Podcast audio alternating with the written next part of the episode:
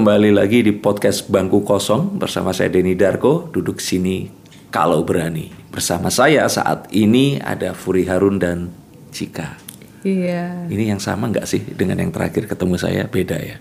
Eh, ada eh, beda beda waktu itu ketemu sama Caca, Caca sama ya? yang iya. Oh. Ini satu lagi yang modelnya hampir mirip. Tapi waktu itu Cika ada. Cika ada, eh, Oh. Cika salah satu look tab awal yang saya punya. Oke, look tap atau disebut sebagai spirit doll. Iya, Betul look ya? tab atau spirit doll. Sebenarnya saya udah pernah ngobrol tapi di podcast ini kita anggap ini yang pertama Iya, ngobrol ya. iya. Jadi kalau orang misalkan awam gitu tanya ke Furi, jadi look look tap itu sebenarnya apa sih kalau membahasakan? Iya, kalau look tab itu buat saya adalah anak asuh ya. Hmm. Mereka eh, boneka arwah sama seperti boneka arwah lokal, tetapi karena mere- eh, mereka di blessing di Thailand, Hmm. Ya. ada tatonya, maka dinamai Look tab kayak gitu. Oke. Nah, spirit doll sendiri itu di blessing saja atau memang ada kayak orang kan ada yang percaya kalau jangan-jangan eh, boneka ini diisi dengan misalkan abu orang yang sudah meninggal atau apa seperti itu. Apakah memang ada begitu atau ya ini sebenarnya kalau tidak di blessing ya just another doll gitu loh, cuman boneka saja atau bagaimana? Iya, kalau tidak di blessing itu hanya boneka kosong. Hmm. Jadi look tab itu sudah di blessing dan dia sudah disumpah untuk menjadi good spirit. Hmm. Ada yang isinya abu eh, kremasi jenazah, contohnya Ming yang saya punya, tapi saya nggak bawa. Nah kalau seperti Cika ini gumare gitu. Gumare itu apa? Mm-mm, jadi sejenis dari tab, kumantong gitu. Jadi eh, kalau Furi lihat karena sekarang ini banyak banget orang yang menganggap look tab sebagai jimat gitu. Ini ini jimat nih. Ini eh, sama dong dengan pesugihan yang bisa bantuin kita supaya cepat kaya dan Iya, lain-lain. heeh. Nah, tetapi pada awal sejarahnya, kenapa ada orang pintar di Thailand yang namanya Kun Pen, itu dia memblessing spirit, itu sebenarnya dia memblessing anaknya sendiri yang meninggal di rahim istrinya. Hmm. Jadi pada saat itu dia memblessing, dia masukkan ke dalam boneka gitu dengan serangkaian doa. Nah di perjalanan karena anak asuh ini sayang sama bapaknya, dia selalu membantu bapaknya dalam pekerjaan sehingga bapaknya memang mengalami kemajuan. Nah jadi dianggap sebagian orang wah jangan-jangan ini pesugihan, padahal sebenarnya mereka cuman anak asuh aja gitu. Tetap kita sebagai orang tua asuh kita harus bekerja dan juga berdoa gitu. Oke. Spirit doll itu sebenarnya awalnya itu kalau kita belajar eh, mempelajari sejarah nih. Itu kapan sih mulai dikenal? Kalau mulai dikenal sebenarnya dari zaman dulu ya, bukan cuma di Thailand, orang sudah eh, banyak sekali yang memakai boneka sebagai media sebetulnya ya, seperti voodoo atau mungkin kepercayaan di masyarakat kita ada jalangkung kayak gitu kan. Tetapi mungkin sekarang ini lebih ngetren karena kemasannya look tab sendiri kan lebih lucu, cantik gitu, sehingga orang melihatnya juga lebih Ih seneng ya kayak gitu. Oke, berarti kayak collectibles ya. Mereka juga pengen kumpulin itu tadi. Betul. Oke. Spirit doll yang pertama berarti tadi kan dibilang ini termasuk yang pertama, tapi yang pertama banget yang Furi miliki yang dari mana? Pertama kali saya miliki namanya Laura ya. Ada tiga boneka yang dikasih oleh teman saya. Dia bilang setiap melihat boneka itu anaknya selalu nangis gitu. Akhirnya dia kasih ke saya tiga, tiga boneka. Tetapi yang ada spiritnya hanya boneka Laura aja. Jadi boneka Lulu, boneka Annabelle itu kosong. Annabelle itu seperti Annabelle yang di film atau Enggak, namanya saja namanya Annabelle? saja, Tahun gitu. berapa Furi punya? Eh, 2017 baru. Eh, jadi baru punya boneka itu 2017. Sebenarnya dari kecil pengen eh, banget punya boneka tapi keluarga selalu melarang. Jangan katanya boneka suka dimasukin sama makhluk halus. Hmm, Gitu. Tapi sekarang kan memang tujuannya itu kan. Sekarang ya karena kan dulu kan memang kita harus nurut sama orang tua Iya. kayak gitu. Jadi eh, apa dari tahun 2017 akhirnya sampai dengan hari ini sudah ada 341 spirit dolls. Spirit dolls yang di rumah ini ada ya di yang kantor di itu. rumah, iya. Waktu kita ketemu dua tahun lalu itu masih kita berapa? ketemu masih 46 or something lah. Itu baru seperlima, sep- enggak seper Delapannya. Iya, iya. Sekarang udah 341. Kita juga udah pindah ke tempat yang lebih besar. Saya cari tempat yang memang muat untuk dolls-nya. Nah, karena pengen nambah terus, mungkin dari dari tempat yang ini mau pindah juga. Ya ampun. gitu. ya. Akan berhenti di angka berapa? Ah, enggak sih karena cinta ya suka. Jadi sebenarnya yang menarik dari perjalanan Spirit Dolls ini mereka hanya singgah di boneka ini sementara. Karena kalau kita rajin doain, kamu harus pulang ke Tuhan. Nggak boleh gentayangan, nggak boleh jadi media eh, pesugihan, nggak boleh mau disuruh-suruh ya oleh orang untuk men- mengantarkan energi-energi santet dan lain sebagainya. Nah, kalau kita ngasuh, kita sayangin, kita ajak doa bareng meskipun Cika ini Buddha ya.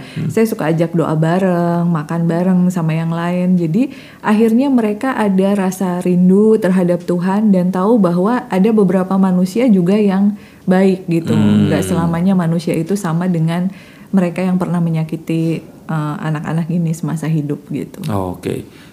Kalau di luar negeri, pemilik uh, spirit doll terbanyak itu sampai berapa yang Furi pernah dengar atau tahu? Mungkin seribu ya. Seribu. Iya. Itu di mana? itu di Jepang tapi bonekanya kecil-kecil jadi nggak makan tempat yang mini gitu Nggak pas tadi ngomong Jepang udah di ujung lidah nih. iya Kan tanah di Jepang mahal gitu. Tapi begitu ngomong kecil, ini kayaknya akal-akalan orangnya memang seperti itu. kecil kecil banget gitu kalau yang Furi punya sekarang tuh besar ada yang 2 meter dengan dengan bentuk-bentuk yang ada pakai perempuan pakai kebaya ada juga Annabelle kemarin terakhir saya beli Annabelle yang jadi pemain film Annabelle di The Scariest Closet uh, Conjuring Memang Annabelle itu. Iya, memang Oh. Annabelle-nya. Tapi pada saat kita beli didatangkan ke Indonesia, ternyata memang itu hanya properti film aja, nggak ada isinya. Oh, Oke. Gitu. Ah. Nah, jadi eh, itu lumayan tuh berat, besar kayak gitu. Hmm. Ngabisin Boleh tahu tempat. sampai berapa yang Annabelle itu harganya? Annabelle sih masih sekitaran 52 jutaan sih, belum Oke. terlalu Ka- mahal. kata depannya masih dan belum terlalu mahal. Yang termahal harga berapa? Yang paling mahal 90 juta Karena karena dia pernah tinggal di Buckingham Palace gitu. sorry, Jadi ada fisikalnya yang pernah tinggal atau isinya yang pernah tinggal? Eh, Physicalnya dan isinya.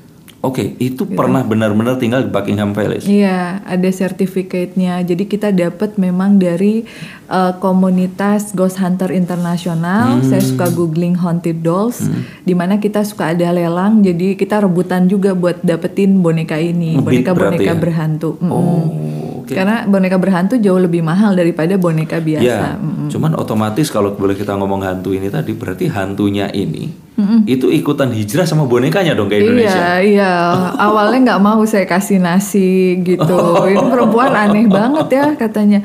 Ada orang aneh ngasih saya nasi gitu. Padahal selama dia di luar dia nggak pernah dikasih offering karena orang sana kan cuman menganggap dia sebagai boneka. Hmm. Nah, baru setelah dia mulai mengganggu, dia pernah mendorong orang juga. Akhirnya memang boneka tersebut dihibahkan ke komunitas Ghost uh, Hunter Internasional. Lalu hasil dari penjualannya uh, dipakai untuk acara amal kayak gitu. Hmm, Oke, ini menyerempet sedikit walaupun kita pembahasannya lebih ke spiritual karena ini spesialisasinya Furiarun. Kalau seandainya memang ini selalu saya tanyakan ke para indigo. Mm-mm. Saya sendiri kan bukan indigo dan kalau kemarin di tak kasat mata, saya ini jadi orang yang berpikiran logisnya untuk bisa mengimbangi penonton ini kan kadang-kadang ada yang memang dia nggak bisa lihat. Betul. Nah, kalau seandainya ini mungkin pertanyaan pernah juga disampaikan tapi di sini karena ini podcastnya berbeda. Kalau seandainya misalkan dia itu orang Thailand dan sebagainya, Mm-mm. apakah terus secara langsung dia mengerti bahasa kita? Atau apakah saat dia berkata dia menggunakan bahasa kita atau bagaimana sih Iya. kalau spirit itu berkomunikasi? Iya, kalau spirit berkomunikasi melalui bahasa batin. Hmm. Jadi kebanyakan boneka-boneka saya jarang yang dari Indonesia. Hmm. Nah, kalau di Thailand kita dikasih mantra untuk opening pada saat kita mengaktifkan si spiritnya. Oke, itu kayak uh, Iya. saklarnya. Iya, tapi hanya sekali aja. Setelah itu kita mulai bicara, saya bilang ini saya saya berusaha untuk bisa mengerti bahasa kamu. Kalau ada sesuatu yang ingin kalian sampaikan, kasih saya vision atau kasih saya eh, batin gitu. Oke. Biar saya bisa tahu dan akhirnya bisa tahu kayak eh, grupnya Cika berisik, anak kecil, nah grupnya bule nggak seneng berisik. Jadi saya pi- pisahin lemarinya. Kayak gitu. Iya, ternyata mereka sama kayak manusia juga ya Betul, habitnya. sama. Ada yang kalau bule yang nggak mau berisik, kalau orang Asia kan memang mereka berkelompok, mereka akan lebih suka seperti itu. Betul. Tapi bagaimana pendapat tentang eh, berarti begini, orang yang memang akhirnya terasuki oleh spirit atau spirit itu berkomunikasi, Iya. akhirnya adalah menggunakan bahasa si orang yang dirasuki itu tadi. Betul. Karena yang dimengerti adalah batinnya dia. Misalkan saya kemasukan satu arwah dari Thailand, terus saya merasa kalau saya merasa kepanasan dan saya ingin keluar, berarti saya mau ngomongnya pakai bahasa Indonesia ya? Pada beberapa case seperti itu, kalau uh, orang tersebut adalah medium interdimensional, tapi ada juga orang-orang biasa yang tidak indigo, dia berada di apa uh, tempat yang salah, di waktu yang salah, akhirnya kerasukan misalnya sama uh, arwah Cina gitu, dia tiba-tiba bisa ngomong bahasa Cina, ada juga. Oh, ada juga yang seperti itu. Hmm. Tetapi itu memang unpredictable ya, nggak diprediksi. Jadi tiba-tiba masuk aja. Hmm. Kalau medium kita berusaha untuk mengerti gitu. Tapi kalau mengerti, uh-uh, dan- mengerti berarti batin ya? batin, jadi kita menyampaikan ke orang. Hmm. Gitu. Cuman kalau Furi kan medium interdimensional, jadi kita Hmm. berkomunikasi aja tanpa si uh, masuk ke dalam. masuk. Mm. Ya, karena yang saya bingung itu adalah saat dia masuk, ada yang ngomong pakai bahasa Indonesia, padahal ini arwahnya arwah uh, bukan orang Indonesia, berarti komunikasi kan batin kan. Betul. Ada lagi tapi yang memang dia ngomongnya akhirnya pakai bahasa itu tadi Cina dan sebagainya. Nah kalau seperti itu itu artinya dia bagaimana tuh? Artinya si orang ini tidak bisa memediumkan sehingga si arwahnya tersebut yang berbicara secara langsung. Gitu. Oke. Kayak Atau gitu. Bisa jadi dia bi- nyamber-nyamber. Oke, bisa nggak kalau dia memang sengaja seperti itu? Karena misalkan seperti Risa Saraswati, dia mengungkap ngom- ngomongnya pakai bahasa Sunda tuh. Iya. Nah, nah, maksud saya berarti kalau seperti itu dia memilih untuk ngomong bahasa Sunda. Padahal kan Betul. seharusnya waktu masuk dia ngomongnya bisa aja pakai bahasa Indonesia kan. Mm-mm. Nah, maksud saya itu sebenarnya yang terjadi. Jadi bukan men-take over tapi membahasakan yang ada. Membahasakan sesuai dengan uh, bahasa si mediumnya itu. Hmm. Kayak gitu. Oke, saya saya cuma mikir kalau dia nanti misalkan ke Thailand terus kerasukan, berarti ngomongnya akan ngomong Thailand atau bukan itu kan? Heeh. Oke, berbicara tentang balik lagi ke uh, spirit doll ini tadi. Jadi spirit doll ini lebih ke akhirnya kalau spirit doll yang sekarang kita ini bicarakan, Cika, uh, Caca dan semuanya ini, berarti ini spirit doll yang memang mengikuti langgamnya itu Thailand ya, bahwa ini bisa di blessing. Karena kalau Iya. yang dari Buckingham Palace itu kan Tidak itu ya happen to be like that gitu, loh. nggak Betul. nggak nggak karena dimasukkan seperti Enggak, itu. iya. Ini perbedaannya Furi ketahui dari Hmm. awal atau memang bagaimana? Mm, kalau dari Thailand kan memang kita pilih boneka yang sudah ada isinya, mau Hmm. yang perempuan, mau yang laki-laki, mau yang umurnya berapa, kayak gitu. Atau kosong kita pilih bentuknya terus diisi? Eh, kalau dari Thailand yang namanya look tab semua udah diisi. Sudah diisi? Iya. Oke. Nah, tetapi eh, kalau kayak dari tadi yang tadi Buckingham Palace itu, itu memang tidak sengaja terisi dan orang sananya juga nggak ngerti ini kenapa bonekanya jadi galak gini ya kayak Oke, gitu. oke. Nah, kalau untuk orang yang memang mengkoleksi boneka ini, ini Hmm. mohon maaf kalau pertanyaannya eh, kalau dirasa ini nanti ya kurang eh, Hmm. proper, nggak apa-apa nggak dijawab. Tapi Oke. saat seseorang ingin mengkoleksi spirit doll, Mm-mm.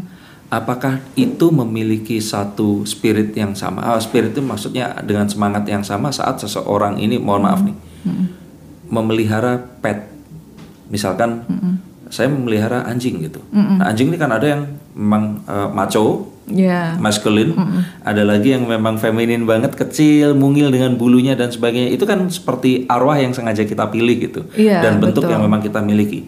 Itu dengan semangat yang sama untuk memilih boneka ini atau ada hal yang lainnya?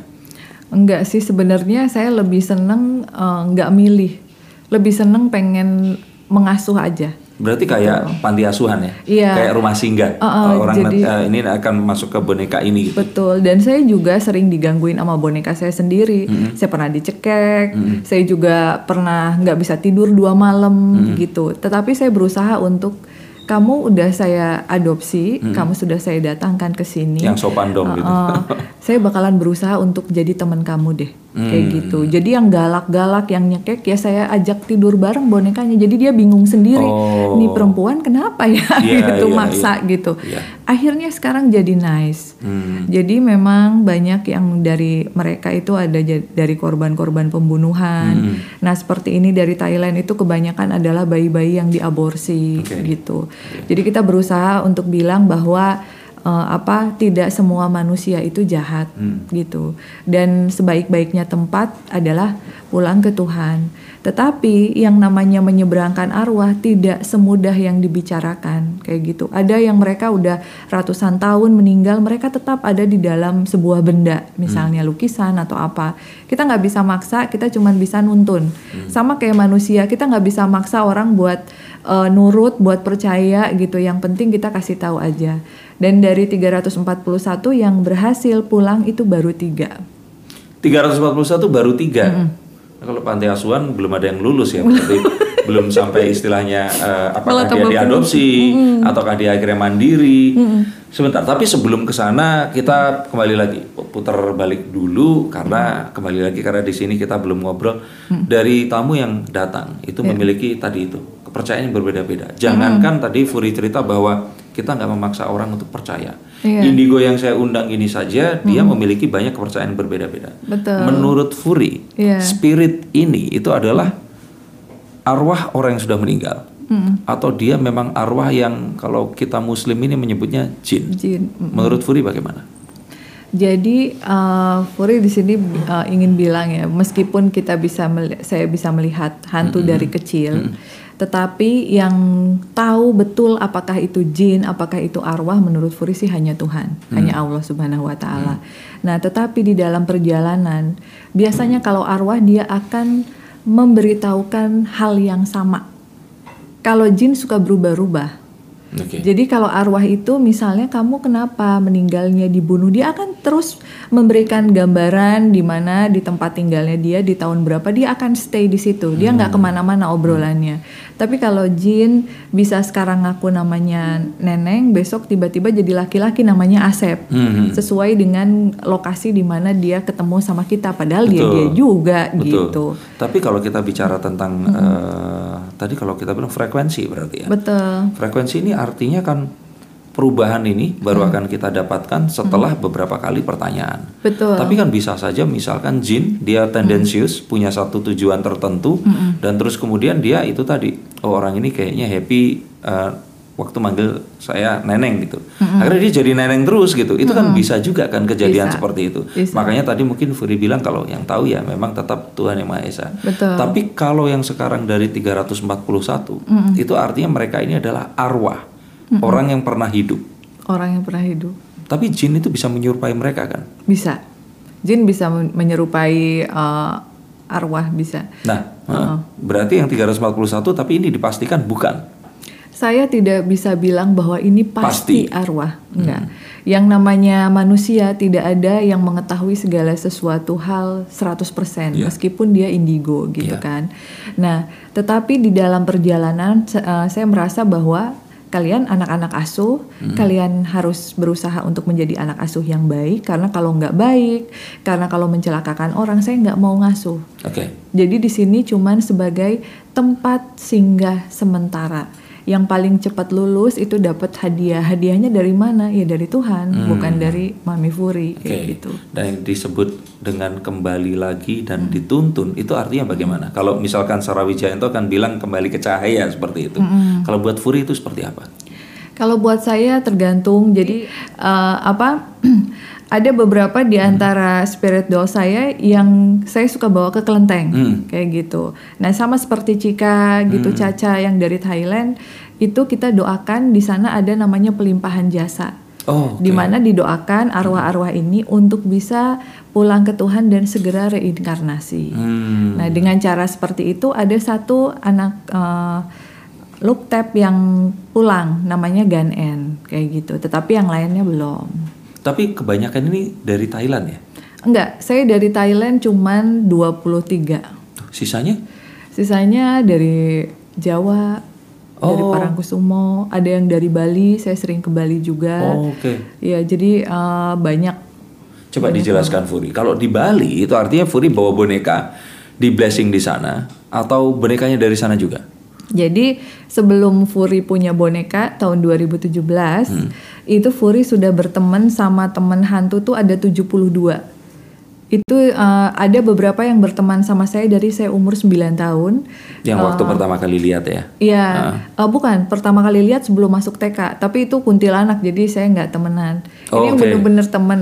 Iya. Nah, yang temen dari awal saya umur 9 tahun namanya Sumi baru mau masuk ke boneka tuh dia lima bulan kemarin.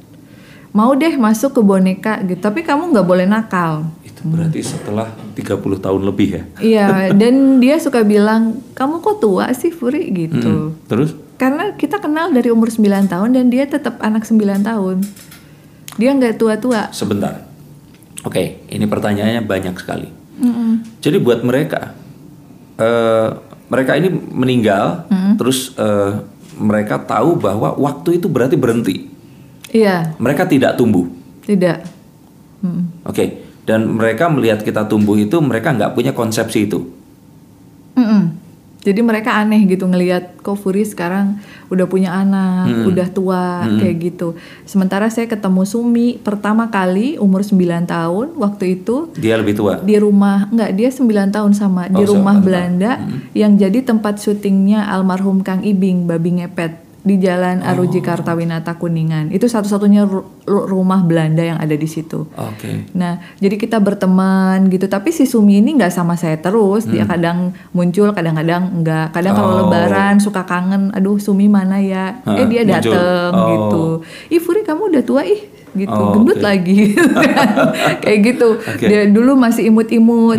Dia suka minta permen kayak gitu. Mm. Nah, jadi eh, ya kalau mereka tetap sih Oke. kayak gitu. Terus waktu akhirnya dibujuk masuk ceritanya gimana? nggak dibujuk kayak gini dia Sumi saya bilang kamu tuh masih suka nakut-nakutin ya di rumah Belanda karena suka ada yang ngeliat penampakan anak bule padahal sebenarnya si Sumi ini bukan bule jadi Sumi ini anak pembantu yang diperkosa sama menir jadi dia blasteran, Blasteran. Tuh, sekarang bisa jadi bintang sinetron padahal. Iya betul. Nah terus dia bilang enggak, saya ngasih uh, lihat ke orang-orang itu kalau orang itu mau niatnya jelek karena rumah itu kan kosong. Nah peng- pemiliknya kan di Jakarta gitu. Jadi kadang suka ngambil, ngambil cangkul, ngambil apa Oh. gitu, ngambil buah dari rumah itu Iya, iya, gitu. Nah jadi daripada kayak gitu nakut-nakutin orang, ya udah kamu di sini aja sama teman-teman ya kita doa bareng. Awalnya nggak mau tuh nggak mau ah nggak mau doa ah nggak mau sholat kenapa kan panas dia bilang gitu. Terus saya bilang gini berarti kalau panas kamu jahat. Kamu nanti masuk neraka loh gitu kan. Neraka lebih panas ya? Iya neraka lebih panas. Ya udah deh akhirnya sedikit sedikit dia mau berdoa. Dia bilang Tuhan nggak sayang sama dia. Saya bilang bukan Tuhan nggak sayang sama kamu tapi kamu dulu hidup di zaman penjajahan nggak sengaja ketembak dan dia juga nggak diakui sebagai anak oleh bapaknya kan karena bapaknya malu gitu. Jadi mulai sekarang udah mulai mau berdoa meskipun baru sekali kalau maghrib dia mau bilang al-fatihah tapi kalau waktu-waktu lain dia belum mau Oke, peranan. Ini kalau buat penonton saya nggak tahu, tapi kalau buat saya, saya memilah-milah antara ya itu tadi. Saya ketemu dengan banyak indigo dan pengertiannya kan walaupun sama, tapi ada sedikit yang perbedaan. Nah, dalam artian ini tadi berarti si Sumi ini tadi itu awalnya itu dia meninggal, terus kemudian dia hidup di sana. iya Buat dia itu zaman itu terus berubah berarti karena bisa melihat Furi dalam kondisi sekarang. Eh, ngelihat saya iya. Tapi dia masih ngerasa dia belum move on dari zaman itu. Dia masih sering nanyain ibunya di mana kenapa di rumahnya udah nggak ada ayunan yang itu lagi kenapa sekarang pohonnya jadi berganti. Dia masih memorinya masih memori lama gitu. Oh. meskipun kita jelasin sekarang udah tahun 2021 loh. Sekarang udah eh, zaman semakin modern tapi sedikit yang bisa Sumi mengerti Dia mengalami perpindahan waktu yang sama dengan kita atau berbeda? hampir sama sih kalau perpindahan waktu kayak misalnya eh, dia lagi main nih saya bilang kayak kamu kalau mau main kamu mau pulang ke kuningan dulu nggak apa-apa tapi maghrib kita berdoa bareng di sini ya Hmm. kayak gitu jadi pada saat beduk maghrib betul dia ada di situ Oke, waktu sama buat mereka. tapi tempat itu enggak. Tempat itu enggak. Dia Karena kadang ruang itu berarti dia bisa mm, memampatkan atau mengekspan itu karena dia Iya. tadi kan mau main ke kuningan terus sekarang maghrib berarti kan iya cepet. iya ha, berarti ruang itu dia bisa melakukan itu tadi Mm-mm. oke berarti traveling pun buat dia as long as ini masih di bumi dia bisa pindah semau dia Bisa pindah semau dia. Even yang tadi saya bilang dari uh, England, dia nggak selamanya diem di dollsnya. Dia nggak uh, terjebak di dalam dollsnya. Oke. Makanya banyak orang yang um, berpikir bahwa oh boneka ini boneka berhantu nih, tapi saya udah nggak deket bonekanya, berarti saya nggak bakalan dihantuin. Belum tentu. Hmm. Contohnya kayak Robert the Doll ya, yang di Florida, di mana orang yang mengambil fotonya dia tanpa izin itu sudah pasti dihantui. Bahkan sampai banyak banget yang ngirim surat dan minta maaf ke dia ke Florida gitu, sampai usahanya bangkrut. Artinya mereka bisa melakukan apa pun kepada manusia-manusia yang uh, jauh. Nah sama sama kayak Cika lah, ada ada yang ngajak collab. Sewaktu itu saya bilang bawain susu ya, karena uh, Cika seneng susu. Dia bilang uh, I don't believe in ghosts. Tapi semenjak dia pulang ke rumahnya, dia selalu diketuk-ketuk malamnya. Dan akhirnya dia tahu bahwa ini kayaknya hantunya Puri Ya, yang minta susu. sama kayak waktu itu cerita apa eh, tukang pijit atau apa yang Tukang pijit, eh, yang iya. nekannya ke itu Iya betul. Jadi anak-anak seperti ini nggak akan selamanya diem di dolls. Hmm. Mereka juga suka ini. Makanya saya suka warning ini Cika udah dikasih susu nggak boleh ngikut-ngikut, nggak boleh iseng. Nah kalau tadi ada tantenya omnya yang foto itu nggak apa-apa ya udah bilang sama mami. Oke Hmm. gitu sih. yang paling tua dari Hmm. spirit doll ini umur berapa tahun Yang paling tua Niang ya nenek. Jadi kalau eh, di Bali eh, nenek itu kan Niang. Umurnya sekitar 79 tahun. itu paling tua nggak ada yang sampai ratusan tahun Kalau perbandingannya ya kalau nggak salah itu satu tahun itu bisa 70 tahun manusia. oh berarti itu 400 Iya. 490 tahun ya lebih Hmm, jadi kalau kita flashback kita tanya ya udah sekitar 400-500 tahun ke belakang terus nih ya. mereka mengalami waktu yang sama seperti kita jadi lamanya ya selama 24 jam 12 jam Nah, kalau itu saya nggak mengerti secara Detail. uh, detail ya. Apakah sama gitu 24 jam atau apa? Yang jelas apa yang dia ceritakan adalah apa yang terjadi di Indonesia pada tahun-tahun segitu. Oh. Gitu. Bahkan tahun sebelum Belanda datang. oke Bahkan bajunya juga sangat tua. Makanya saya suka susah kalau cari penjahit untuk boneka-boneka yang old soul. Hmm. Karena mereka tuh pengen bajunya tuh Persis. sama persis gitu. Jadi saya butuh beberapa kali rombak. Nah kalau kayak gini kan enak ya bajunya modern gitu. Oh. Iya, iya. Jadi ada beberapa di rumah yang memang baju-bajunya baju-baju zaman dulu banget.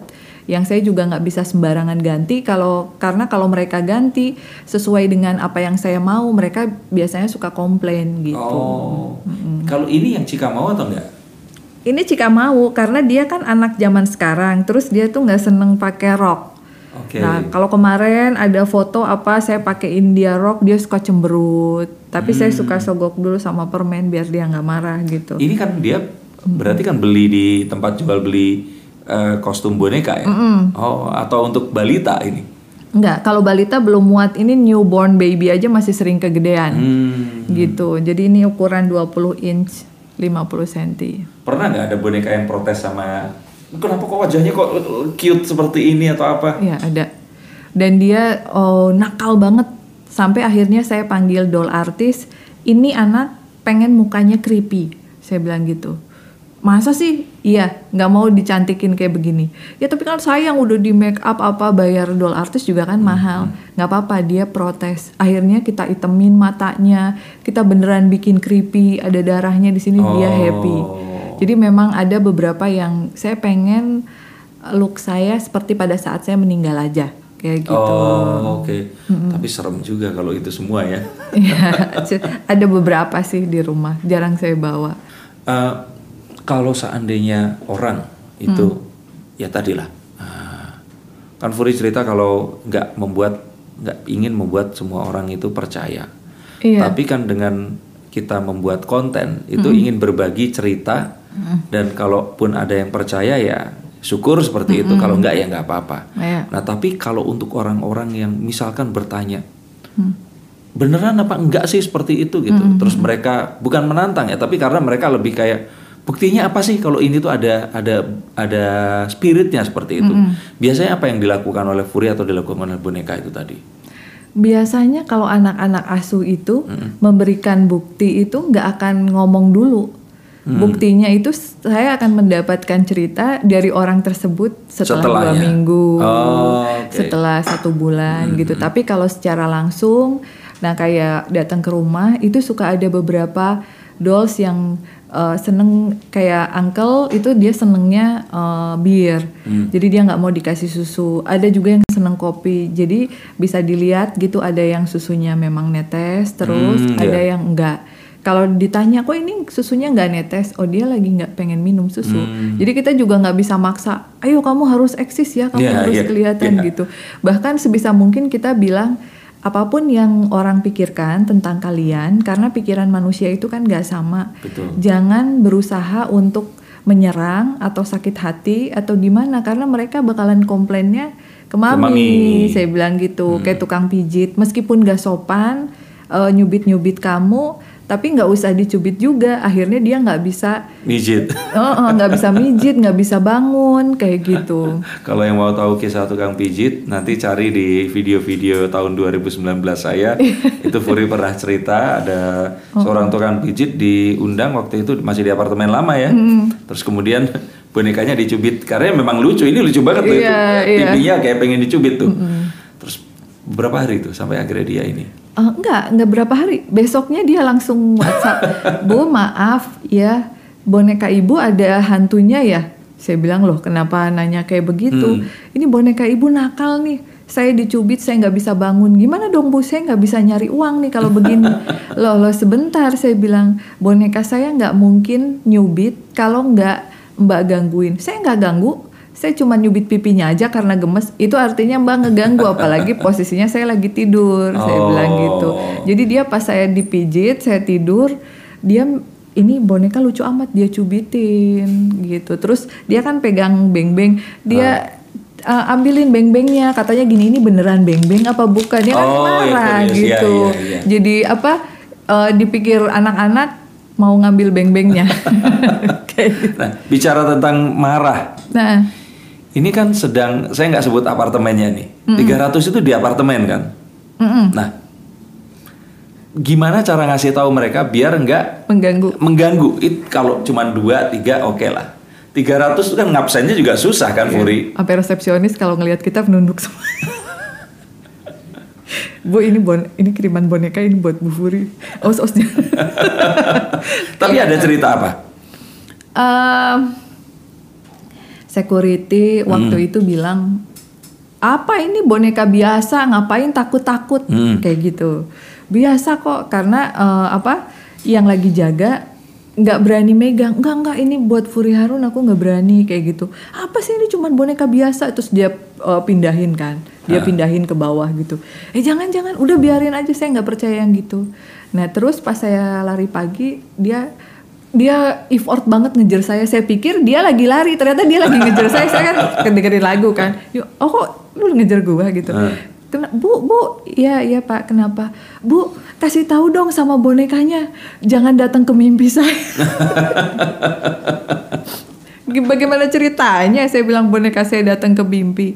Jadi akhirnya dia cerita bahwa dia cuman ngomong kayak begitu karena dia nggak percaya, tapi minta maaf ya bu, katanya gitu. Oh iya nggak apa-apa pak. Ya udah gitu. Jadi eh, dia mimpi setelah dia mindahin boneka itu ke bawah, malamnya dia didatengin sama boneka. Dia bilang bonekanya modelnya boneka kayak nggak kayak Cika gini, kayak porselen gitu, yang keramik. Oke, iya, Ah, ah. iya. Kalau Cika kan silikon Kayak ini apa namanya? eh, yang zaman dulu gitu. Iya, kalau di film itu The Boy. Mm-mm, Nah kayak gitu Eh, apa tinggi dia bilang tapi matanya keluar terus ininya nyekek gitu. Itu boneka ibu marah bukannya ah enggak itu pikiran bapak aja saya bilang. Tapi nyampe ke rumah saya tanya ada yang datangin mimpi nggak gitu. Iya habis omnya nggak sopan. Eh, berarti kalau nanya itu itu solidaritas boneka yang dikerjain yang satu, yang lainnya yang boleh belain seperti itu ya. Mm-mm, tapi sekarang saya kasih hukuman. Nggak boleh saya bilang. Nanti kalau banyak orang yang takut nanti mami nggak bisa tinggal di sini Hukumannya apa? hukumannya nggak dikasih susu, nggak dikasih nggak dikasih permen, jadi mereka cemberut aja saya biarin aja. Oh. Saya makan makan aja di depan mereka gitu. jangan minta ya, jangan. Jadi buat mereka itu suatu hukuman yang lumayan berat. Udah di satu sisi dia juga eh, apa nggak boleh nakal, terus di sisi lain ya dia kadang suka pengen nyicip nyicip susu gitu ya udah nggak bisa selama satu hari gitu. Oh. 341 yang bandel yang mana, yang eh, nurut yang mana itu ada cerita apa aja? Ceritanya ya sebenarnya bandelnya bandel anak ya, cuman yang itu aja yang saya memang beli dari komunitas Ghost Hunter yang memang saya dua apa saya dua malam nggak bisa tidur, dicekek, terus juga eh, apa digangguin lah gitu. Tapi dia cuman berani mengganggu pada saat kita sedang tidur, karena pada saat kita bangun nggak. Ceritanya gimana itu waktu itu mencekek dan sebagainya itu? Eh, kayak orang dierep-erep gitu. Hmm.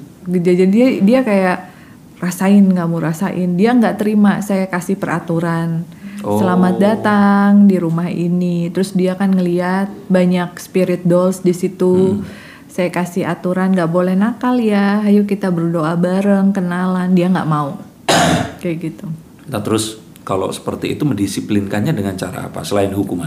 Ah, saya sih cuman gini aja udah deh kalau misalnya kamu nakal saya larung aja ke laut deh Oh itu mereka pasti akan takut. takut karena di laut kehidupannya keras Oh oke itu itu Iya. oke.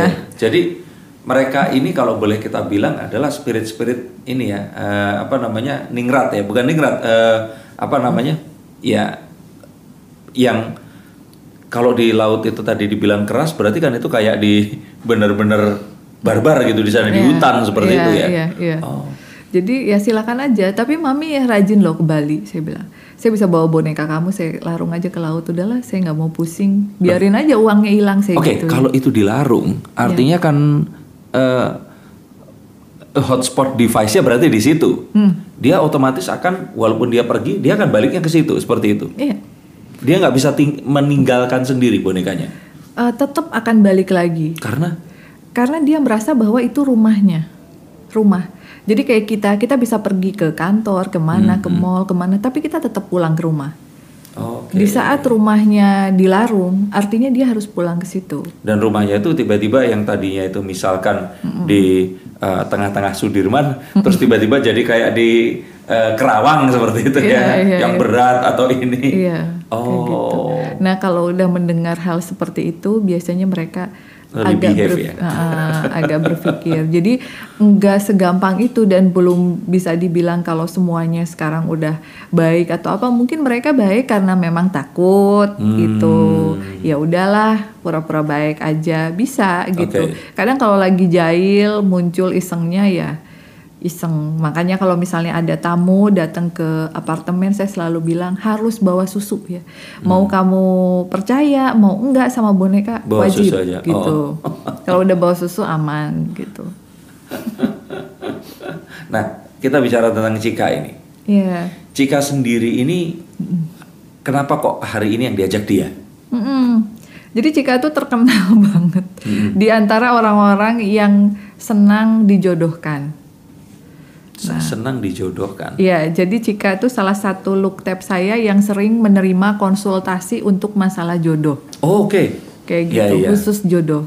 Nah, eh, ini kalungnya udah banyak. Ini dari orang-orang yang berhasil sampai Oh, ke pelaminan. pelaminan. Iya, Hmm. kayak gitu. Nah, dia senang pakai perhiasan. Tapi kalau misalnya yang dia jodohin ya kayak waktu itu di apartemen lama ada bagian cleaning service atau apa, dia tahu diri, dia cuman minta susu. Aku minta susu aja karena tantenya nggak punya uang. Oh, Kayak gitu. Oke, iya, iya. Berarti Jadi, ini ya, apa namanya? Ada yang diminta juga ya sama dia ya. Ya, dia minta hadiah. Kalau uh, ciri-ciri yang dia sebutin, akhirnya datang jodohnya, Hmm. uh, dia minta hadiah. Aku Oh. minta hadiah gitu. Oke. Nah, selain itu apa kelebihannya Cika ini tadi?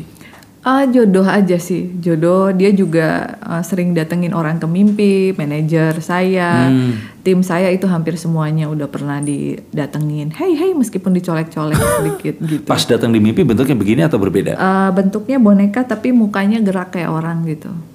Oh, be- bentuknya kecil seperti Ah, ini. Karena saya bilang teman-temannya mami sama mami tuh penakut gitu. Jadi kamu kalau ngeliatin ya kayak boneka aja deh biar lucu gitu. Aslinya dia seperti apa? Gak berani ngomong. Oh ya, tapi manusia yang eh, profesinya apa atau bagaimana dia meninggal karena apa? Iya. Eh, jadi dulu ini Cika merupakan eh, peramal. Jadi dia Hmm. sudah mengalami eh, kehidupan dua kali. Jadi pada saat saya berusaha untuk ngobrol sama dia, dia sudah, Sudah mengalami reinkarnasi? eh, eh, Oh. life regression. Sebelumnya dia adalah eh, peramal. Hmm.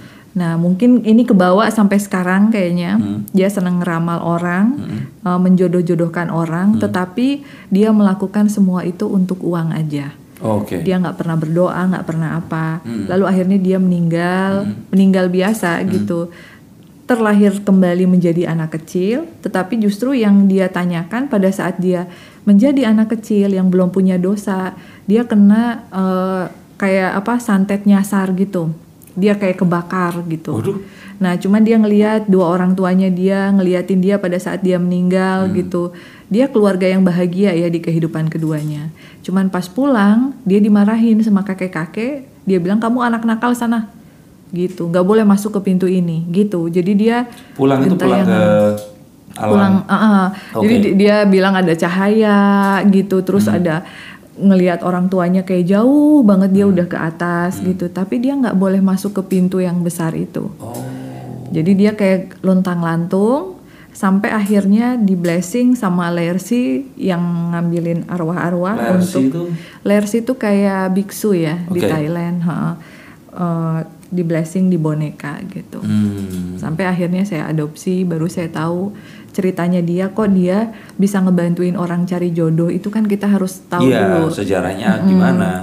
Karena nggak semuanya sama seperti Cika. Iya. Ada bahkan yang marah banget kalau ditanya-tanya orang gitu judes gitu. Makanya Hmm. saya juga jarang uh, share dia ke publik gitu karena Hmm. kurang ramah. Iya. Tapi kalau dia kan semua orang dia ramal. Karena sudah terbiasa itu ya, ketemu sama orang eh, baik waktu dia hidup dan sekarang pun. Iya. Sekarang coba kita eh, jika kalau meramal akan seperti apa? Oke, kita pilih salah satu aja. Jangan yang sudah menikah nanti daripada terjadi Ya, satu keributan betul. ya Yang kan. masih single aja. Ya, masih single. Ini ada Leo sama Fajar. Kita pilih Fajar aja deh ini di sini ya. Oke, itu, itu omnya. Namanya Fajar. Fajar. Ah.